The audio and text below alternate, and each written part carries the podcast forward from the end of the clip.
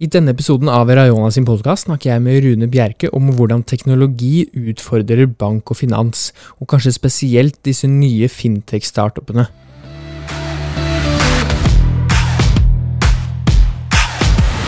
Først må jeg bare få takke 657 for at vi får lov å sitte her og spille inn podkast. Vi sitter her med en meters avstand og vel så det. Eh, Rune Bjerke, takk for at du tar deg tid til å komme hit. Bare hyggelig.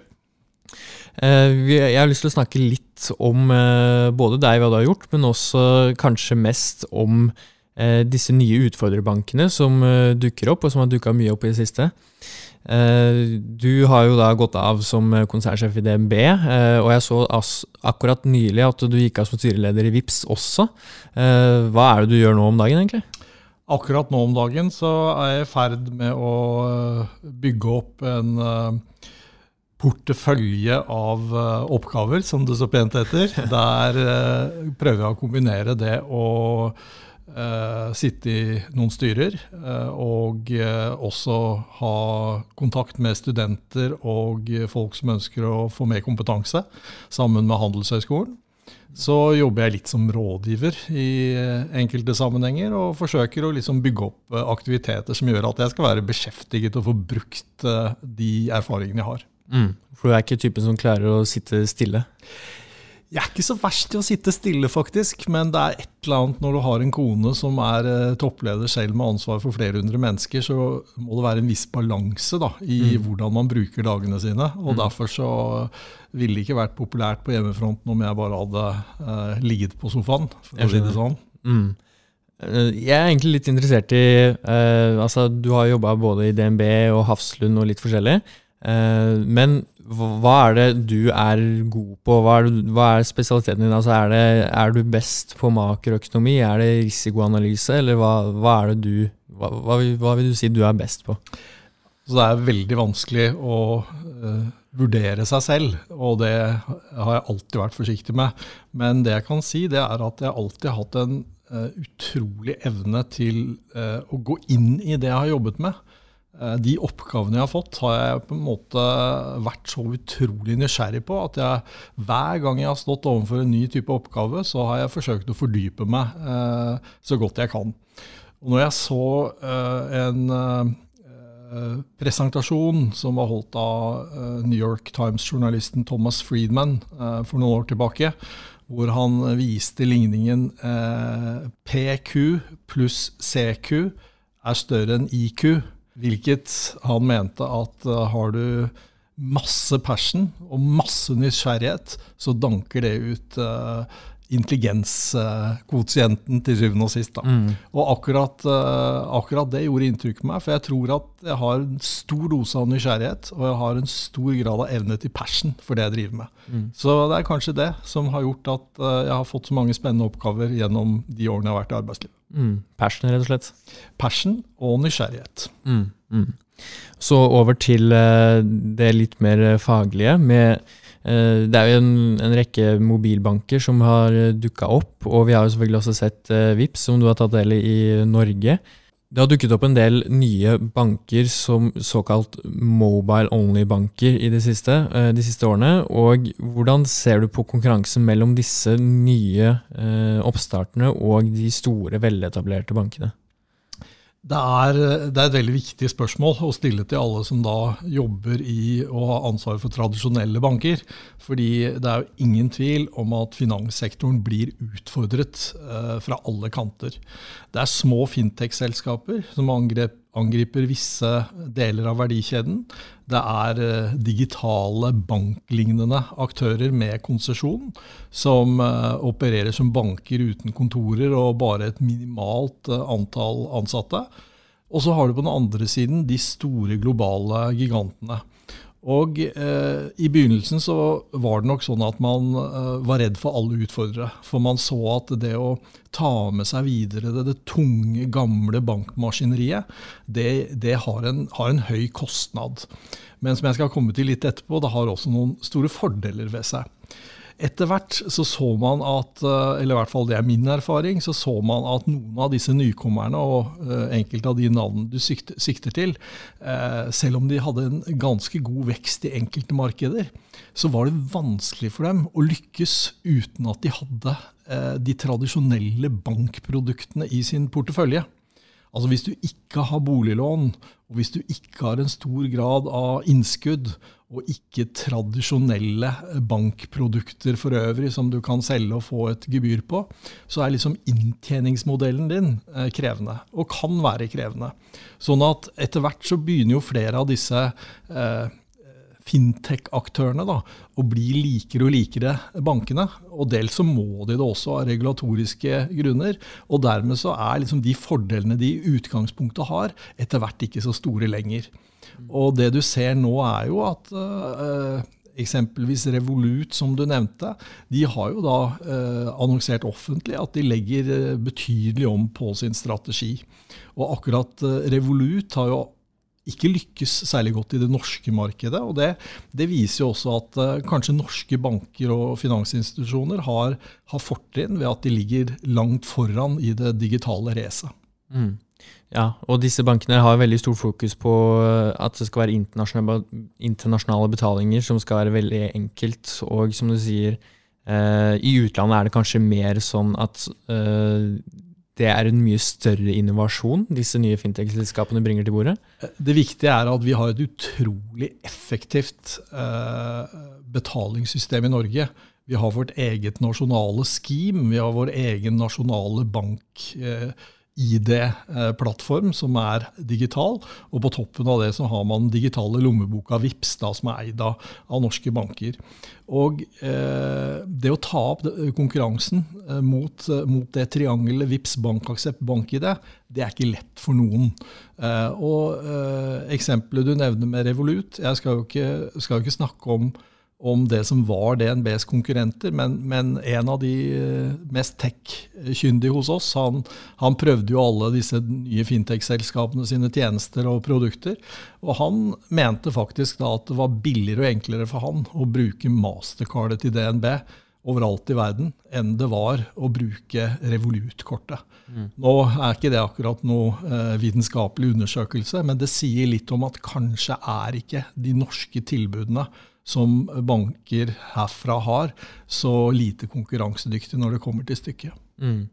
Det har dukket opp noe som heter Bulderbank også. Det er fra Sparebanken Vest. Er det et slags eh, initiativ eller et resultat av disse fintech-selskapene som eh, dukker opp? Jeg tror det er påvirket og smittet av initiativ man ser utenfor tradisjonelle banker. Det er ikke første gang en eh, bank forsøker å bygge opp en digital bank i banken. Eh, jeg syns de har vært eh, kreative i Sparebanken Vest. Eh, over tid så er det to ting som, som gjenstår å se. Eh, vil de tjene penger på den digitale banken? Og vil kundene i Sparebanken Vest, som ikke er kunder av den digitale banken, akseptere at det er ulike, ulikheter i Eh, prising og produkter eh, over tid. Altså det er, uh, syns jeg, viktig, viktig, spørsmål å se hvordan svarene utvikler seg i forhold til. Men jeg syns det er veldig morsomt at norske sparebanker og norske banker tester ut nye modeller. Så dette vil være et, et interessant eksperiment. Det, det, har vært forsøkt før i ulike former både i og utenfor Norge. Men de har en, en interessant modell som gjenstår å se ska, om, om, vi skaper verdier for eierne og de ansatte. Mm. Hvordan har det blitt forsøkt tidligere? Det var jo, altså Hvis du ser på f.eks. Eh, den største eh, nederlandske banken, eh, ING, som har eh, eh, bankvirksomhet i mange land, de startet jo ING Direkt, altså en digital direktebank på siden av den tradisjonelle banken. Det har jo vært også lignende forslag, eh, forsøk i gamle Sparebanken Nord, eller ABC, ABC, Bank i sin tid, hvor de forsøkte å bygge opp en digitalbank på siden. Eh, en, en selvbetjeningsbank på siden. Eh, og eh, det er også andre som, som, har ulike modeller som ligner på det vi ser i Sparebanken Vest. Men konkurranse er sunt. Mm. Og det gjenstår å se om, om Bulder Bank eh, vil buldre skikkelig eh, framover. Det skal bli artig for meg å følge med som, eh, som gammel bankmann fra sidelinja. Dere har også gått inn i samarbeid med Alipay, eller altså, unnskyld hvis jeg sier dere, for det, det ja. Eh, jeg er ikke lenger sjef i DNB, men, ikke sjef der, men det, Eller Vips. Ja. men, men dette samarbeidet med uh, Alipay, uh, kan du si noe mer om det utover Nei, Det er jo en uh, ting som mangler i, i, det norske betalingsuniverset. Det er noen plattformer som tilbyr mye mer enn vennebetaling og betaling. Hvis du ser på disse kinesiske økosystemene, sånn som WeChat, da, eh, som, som, som, brukes av hundrevis av millioner mennesker, så er jo ikke det bare et, et uh, univers for innskudd og betalinger. Det er et univers for handel med alle typer varer og tjenester, bestillinger av mat, uh, forsendelser av blomster, you name it. Altså du, du trenger ikke noe annet enn et par apper i Kina og det er nesten ingen som bruker kontanter i det hele tatt til noe som helst. Her i Norge, og for den saks skyld i Vest-Europa, så har man ikke lykkes med å bygge ut økosystemene like bredt ennå. En av grunnene til det er jo at eh, det som man har i Kina som man ikke har utbredt her ennå, det er jo eh, bruken av QR-koder. Vi har mye mer lagt opp uh, til bruk av NFC, eller såkalt Near Field Communication-teknologi. Og den har sine begrensninger. Mens QR-kodene, som kineserne har vent seg til, er jo, alt er jo nesten QR-basert. Mm. Det uh, oppfattes som enkelt og riktig der, men har ikke, har ikke fått den samme utbredelsen og gjennomslaget her. Det er noen unntak i, i, vestlige land, sånn som Starbucks i USA var jo på sett og vis uh, den største alternative innskuddsbanken. Eh, og, Starbucks i USA er jo primært basert på, på QR-teknologi. Det som skjer nå, er at det kommer eh, QR-løsninger til Norge og flere andre land også. Vips skal lansere eh, betaling i butikk med QR før sommeren i år. Og det gjenstår å se hvordan unge generasjoner vil ta dette i bruk. Men det er liksom da det som gjorde at Vips også ønsket å samarbeide med Alipay for å lære mer av deres QR-erfaringer, QR-teknologi, og få muligheten til å bygge ut universet sitt. Mm. Så, men hvorfor tror du ikke det har blitt en stor greie i, i Vesten på samme måte som Kina så langt? Det er eh, diskusjoner som jeg har tatt opp eh, flere ganger med, med ledere for europeiske banker. og det, det sies jo at det, er, litt kulturelt, men jeg tror rett og slett det er hva er det som kommer først? Eh, hvis man da er vant til å bruke et mobiltelefoninummer eller en eh, eh, avlesningsteknologi i en eller annen chip som, som, hvor du har liksom du tapper kortet ditt på en automat, eller når du går på T-banen i London, eller hva som helst.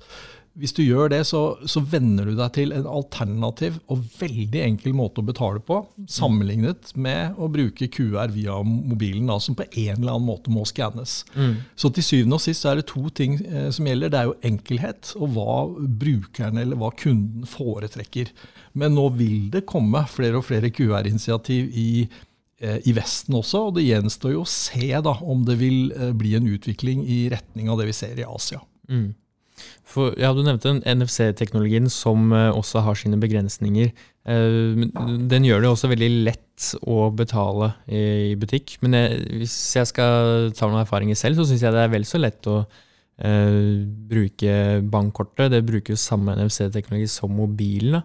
Men å, å man har vel eh, bankkortet stort sett veldig lett tilgjengelig, selv om ja, det, er, det, er, jo ikke teknologi og det er ikke på mobilen, og alt er ikke i ett. Jeg, de, jeg deler den oppfatning. Ja. Altså, det er så enkelt å tappe kortet mm. at uh, hvorfor skal du uh, bruke mobilen? Det må jo være da for at du ikke vil ha med deg noe mer enn mobilen når du går ut. Mm. Men kortene er jo veldig, veldig små, og mm. etter hvert så trenger du ikke mer enn ett kort heller. Og på toppen av det hele så kan du jo feste kortet ditt bak på mobilen, sånn at mobilen nesten ikke er større enn, den er i utgangspunktet. Så det er, eh, Men det er til syvende og sist brukerne som, eh, som bestemmer. Eh, og det er de som velger hva de vil ha. Eh, og det som gjenstår å se med denne QR-teknologien, det er om man klarer å hekte det på f.eks. lojalitetsprogrammer. Da. Eh, hvis du klarer å, gjennom de handlene du gjør, oppnå fordeler i de butikkene du handler, hvis du bruker en bestemt betalingsmåte, så kan det sannsynligvis bli mer populært også. Men igjen, det er brukeren som bestemmer. Mm, alltid brukeren som bestemmer. Uh, vi nevnte litt uh, disse små mobile only-bankene og disse store, veletablerte bankene. Hvilke, hvilke, ressurser er det disse store bankene har som gjør at de rett og slett kan utkonkurrere disse nye fintech-selskapene som uh, dukker opp? Det er, ikke, det er ikke det at de har ressurser per se som gjør at de eh, beholder posisjonen sin. Men det å være en bank i dag, det har blitt så komplekst eh, og regulatorisk krevende at du må bygge opp mye kompetanse internt hvis du skal oppfylle de kravene som Finanstilsynet setter eh, til å inneha en, en, en, en, konsesjon. Enten som bank, eller som betalingsforetak, eller verdipapirforetak. Altså det er veldig krevende regelverk. Mm. Og regelverket blir mer og mer krevende etter hvert som kravene for å demme opp for hvitvasking av midler, men også kravene til å kjenne kundene sine, blir, blir eh, høyere og høyere. Mm. Så også kanskje med data og teknologi og GDPR og den type ting, blir det, tror du det blir enda vanskeligere å, å skulle opprette en bank? Jeg tror ikke det er vanskelig å opprette en bank, fordi alt kan kjøpes. Men jeg tror at det å drive en bank over tid, eh, det krever at du har veldig mye erfaren kompetanse og variert kompetanse eh, i organisasjonen. Det holder ikke bare med eh, tech-personer eller folk med, med masse kyndig Eh, IT-kompetanse. Du må også ha masse juridisk kompetanse, eh, regulatorisk kompetanse, og du må ha folk som er gode på bankdrift. Mm. Så, så, eh, så, det er i hvert fall krevende å være en liten aktør. Mm. Det å være en stor aktør er lettere. Mm. Opplever du at disse nye fintech-selskapene kanskje skyter inn noen tjenester for å kunne ha bredde? Altså det er noen som har eh, tilbudt eh, kryptovaluta f.eks., og litt sånn nye, litt eh, fancy, eh, fancy, ting for å kunne ha et bredere spekter? Det er klart at eh, hvis man tilbyr noe som bankene ikke kan tilby, som eh, kunden eller brukeren vil ha, så er jo det en god forretningsidé, forutsatt at det er innenfor regelverk. da. Mm. Eh, men jeg tror vel egentlig fintech-selskapene har definitivt en plass i eh, universet vårt, både de små og de store. Men eh, i eh, tiåret som kommer, tror jeg du vil se mer og mer allianser, partnerskap. da hvor da små aktører eh, samarbeider eller inngår avtaler med tradisjonelle aktører. Eller at eh, de etter hvert også blir kjøpt opp av tradisjonelle aktører. Alternativt sånn som du ser i USA, hvor, eh, hvor en av de store eh, amerikanske investeringsbankene, Goldman Sachs, da, går sammen med Apple og lanserer et, et, kort. Det var jo en bombe, ikke sant? at du fikk en, en, en, en allianse mellom Goldman Sachs, som ikke hadde primært vært en, personbank, eh, fikk en allianse mellom Goldman Sachs, som da først og fremst hadde vært en investeringsbank, og Apple. Det er jo liksom den type eksempler på utradisjonelle konstellasjoner som jeg tror du vil se mer av. Både hva gjelder de store, men også de mindre selskapene. Mm. Apropos Apple og disse virkelig store tech-selskapene. Eh, de har jo vist seg å kunne ta, gå inn i veldig mange markeder. Eh, hvordan ser du på Apple, Facebook, Amazon eh, som aktører som kan gå inn i bankbransjen også? Jeg tror nok det kommer eh, i større og større grad. Ehm, jeg var jo eh, overbevist om at eh, kappløpet om å ha en, en person-til-person-betaling tidlig ute i det norske markedet, den sto ikke bare mellom bankene, men den sto også mellom bankene og de store globale aktørene. Så når Facebook, som i hvert fall i større og større grad blir drevet av gratulasjoner på bursdager, eh, og etter hvert også innsamlinger til formål på, eller i forbindelse med at Facebook-brukere har, har, bursdag, så er jo det for å samle inn betalingskortinformasjon mm. til brukerne av Facebook, som på et eller annet tidspunkt vil jeg gjette, Messenger kommer til å bruke eh, mer som en tradisjonell vennebetalingstjeneste. Da. Så VIPS eh, vil i framtida ikke bare slåss mot Klarna og, og, Visa og Mastercard. VIPS vil også eh, høyst sannsynlig slåss mot Messenger, Apple eh, og eh, kanskje andre sosiale medieaktører. Mm, for det viser at eh, de, de, skal jo gjøre det enkelt å handle, og det, det, gjør det jo bedre for bedrifter å annonsere og bruke plattformen deres også. Uh, og Messenger, som du nevnte også, har jo også tatt i bruk flere typer teknologier for at du enklere kan ja, F.eks. hvis du skal ha en eh, sofa i stua, kunne bruke AR-teknologi og, og, se hvordan den sofaen ser ut i stua di gjennom Messenger, og bare rett og slett kjøpe den gjennom der. Men tror du det vil Tror du det vil eh, danke ut eh, bankforbindelsen på en eller annen måte for eh, kanskje mindre selskaper, først og fremst? Det er jo akkurat den kundekontaktflaten, da, eller grensesnittet til kunden, som det er viktigst for en bank å beholde. Men det er også viktigst for en tradisjonell retailer å beholde den, eh, det grensesnittet selv. Eh, for da får man dato, dataene, eh, transaksjonsdataene eller, eller, de kundedataene man eh, trenger og er interessert i å bygge verdier på. Men i tillegg til det så får man også muligheten til å kommunisere med kunden uten å gå via mellom, mellom, eller, eller, eller, ledd, som vanskeliggjør kommunikasjonen. Og Jeg tror jo her at det kommer til å skje store endringer framover i, i, måten man betaler på, gjennomfører transaksjoner på. Eh, det er liksom I dag så er vi vant til å uh, enten betale i kassa, nå blir det mer og mer selvbetjeningskasser rundt omkring. Men uh, kommer det til å være kasser i det hele tatt i butikkene ti år uh, fram i tid? Vil kassa flyttes fra uh, et punkt i butikken til mobilen din? Altså Det er den type spørsmål som nå i større og større grad blir relevante når du skal prøve å se hvilken, hvilken trend som, som, eh, som, finner sted da, når det gjelder transaksjoner. Mm. Og Der har vi også Amazon Go, som eh, ja, har tillatt deg og De har vel fjerna kassene helt, og som eh, lar deg gå inn og plukke noen varer, og så blir de registrert, og så går du ut igjen bare? Ja da, jeg har vært i en Amazon Go-butikk og, og testa det ut. Og der er det sånn at det er når du tar ting ut av hylla og putter i bagen din, at uh, transaksjonen blir registrert, og så sjekker du inn da når du kommer. ikke sant? Men uh, de uh, jeg har snakket med innenfor, innenfor retail, de sier at foreløpig så er de systemene veldig dyre. Fordi det krever liksom teknisk utstyr og logistikkløsninger i butikkene og utforming av selve butikkene, som i hvert fall krever betydelige investeringer og investeringer som man også da må ha en avkastning på.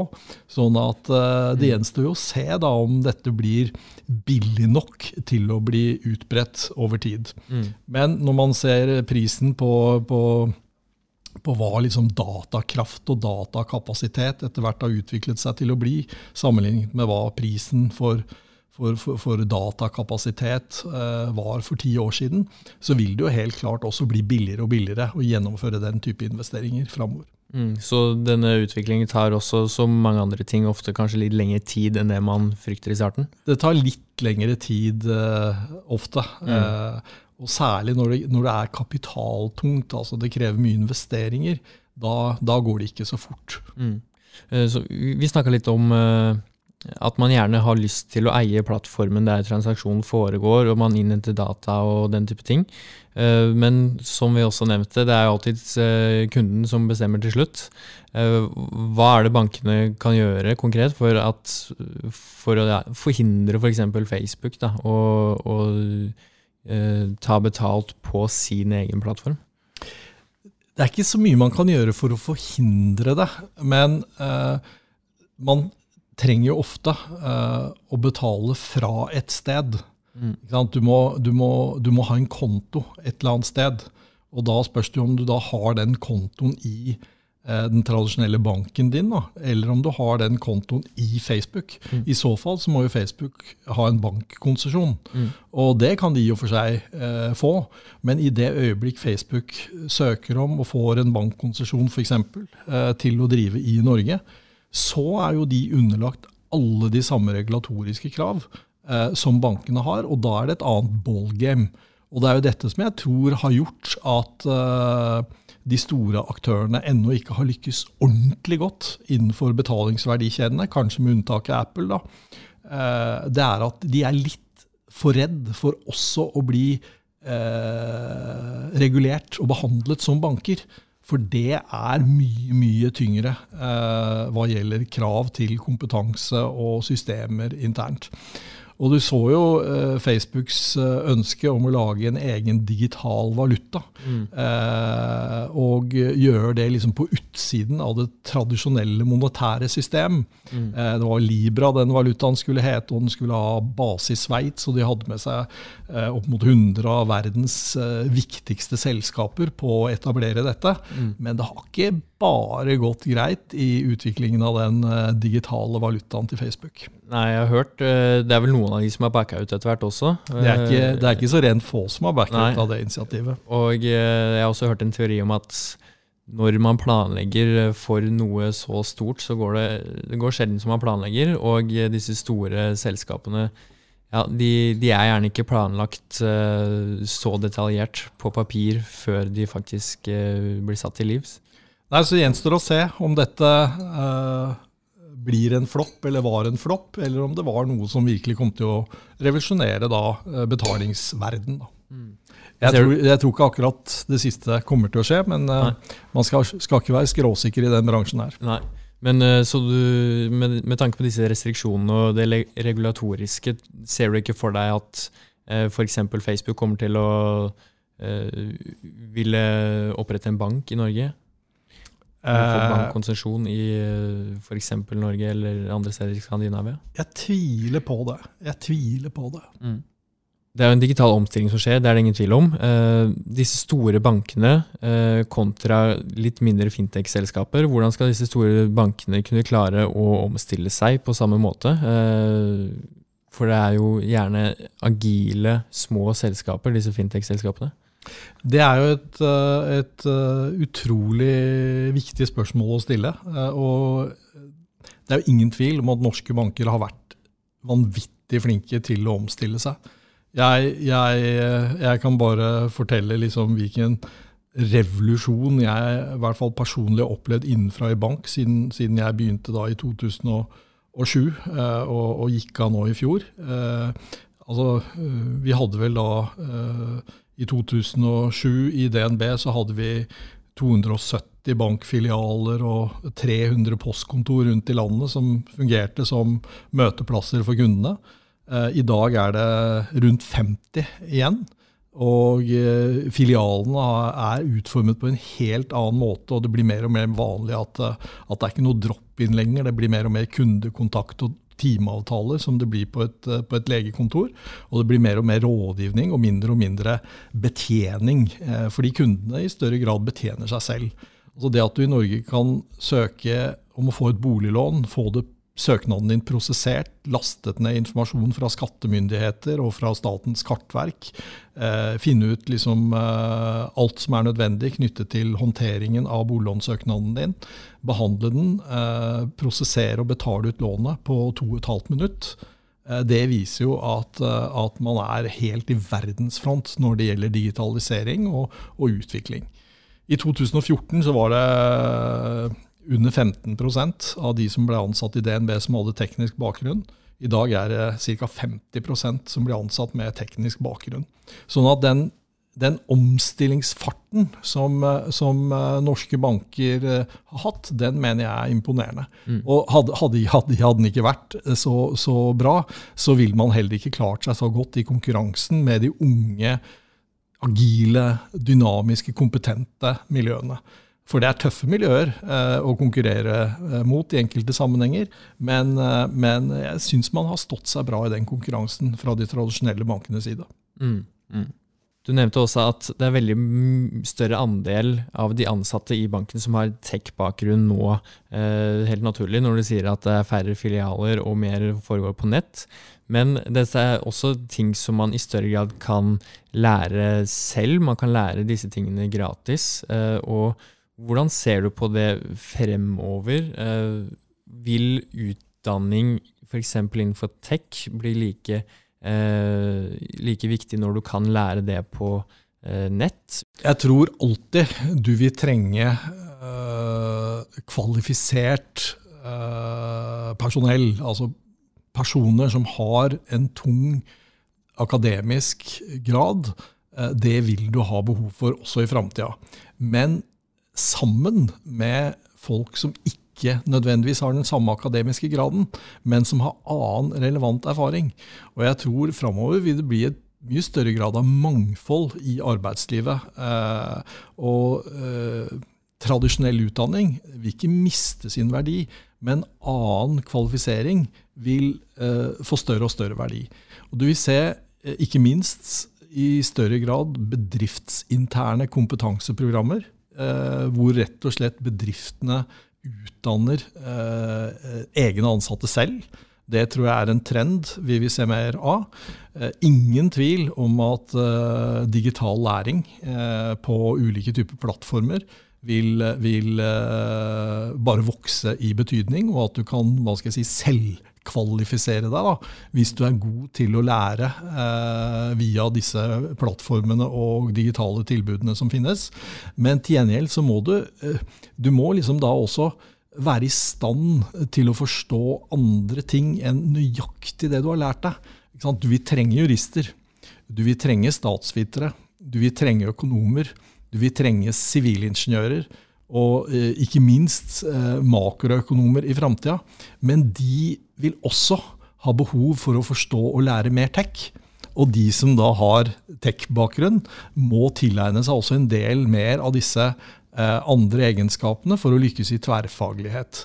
For der er det én ting jeg tror er viktig. Skal man ha rask utvikling i eh, store organisasjoner så vel som i små organisasjoner, så er det å jobbe godt i tverrfaglige team. Ubyråkratiske, små tverrfaglige team hvor alle trekker på hverandres kompetanse på en effektiv måte. Så, så, eh, jeg vil gjerne slå et slag for alternativ utdanning, men når jeg blir spurt liksom, vil du gi råd uh, om å droppe denne mastergraden og masterutdanninga og heller satse på selvkvalifisering, så vil jeg si få deg, få deg en eller annen grad først, og så kan du gjøre de andre uh, tingene, utviklingstingene på toppen, eller få deg, få deg i hvert fall, en halv grad først, mm. sånn at du, noe, at du, har en planke eller plattform. Sjøl ble jeg ikke ferdigutdanna før jeg var 37 år. Uh, og uh, jeg opplever at jeg egentlig har lært gjennom det jeg har gjort, uh, og, og, at det er egentlig det som har gitt meg de fleste kvalifikasjoner. Men samtidig så det er et eller annet med det å føle at man har en plattform også. Mm. Kjørte dere mye når dere gjorde den omstillingsprosessen i DNB som du nevnte, og hentet inn mye flere som da hadde teknologibakgrunn? hvor mye dere, I hvor stor grad gjorde dere opplæring internt i tillegg? Det har skjedd omstilling i flere bølger i norsk bank og finans. Altså det startet jo for alvor når den aller første moderne bankkrisen kom tidlig på 90-tallet. Eh, da hadde man liksom de første store nedmanningsprogrammene. Da. Eh, og så har det fortsatt eh, i bølger i tråd med konjunkturer og kriser. Og i, hvis jeg skal se tilbake på, på, på, den tiden jeg har vært i bank, så gjorde vi noen eh, drastiske nedbemanninger eh, i perioden eh, 2013-2014, eh, hvor vi ikke var flinke nok til å satse på kompetansepåfyll, kompetanseutvikling. Og vi satset heller på da å hva skal jeg si, tilby sluttpakker, eh, sånn at man fikk ansatte til å selv velge andre jobber eller andre yrker. Det var gode ordninger, eh, så det var ikke det. Men det var det at vi ga slipp på erfarne folk som hadde vært i bank, eh, som kunne fått mer av denne kompetansen hvis vi hadde vært gode i kompetansepåfyll og kompetanseutvikling. Så det var noe vi lærte av i, i, i, DNB, basert på de erfaringene vi gjorde da. Og de, de siste tre årene så har man satset veldig mye på, på intern eh, kompetanseutvikling. Både som du sier gjennom digitale kurs, altså LinkedIn Learning er jo eh, alt som finnes av materiale på, på, på, på podkaster og YouTube, sammen da med interne kurs, er jo også en fantastisk måte å lære på. Mm. Greit, da begynner vi å nærme oss uh, slutten. Tusen takk for at du tok deg tid til å komme hit igjen, Rune Bjerke. Bare hyggelig.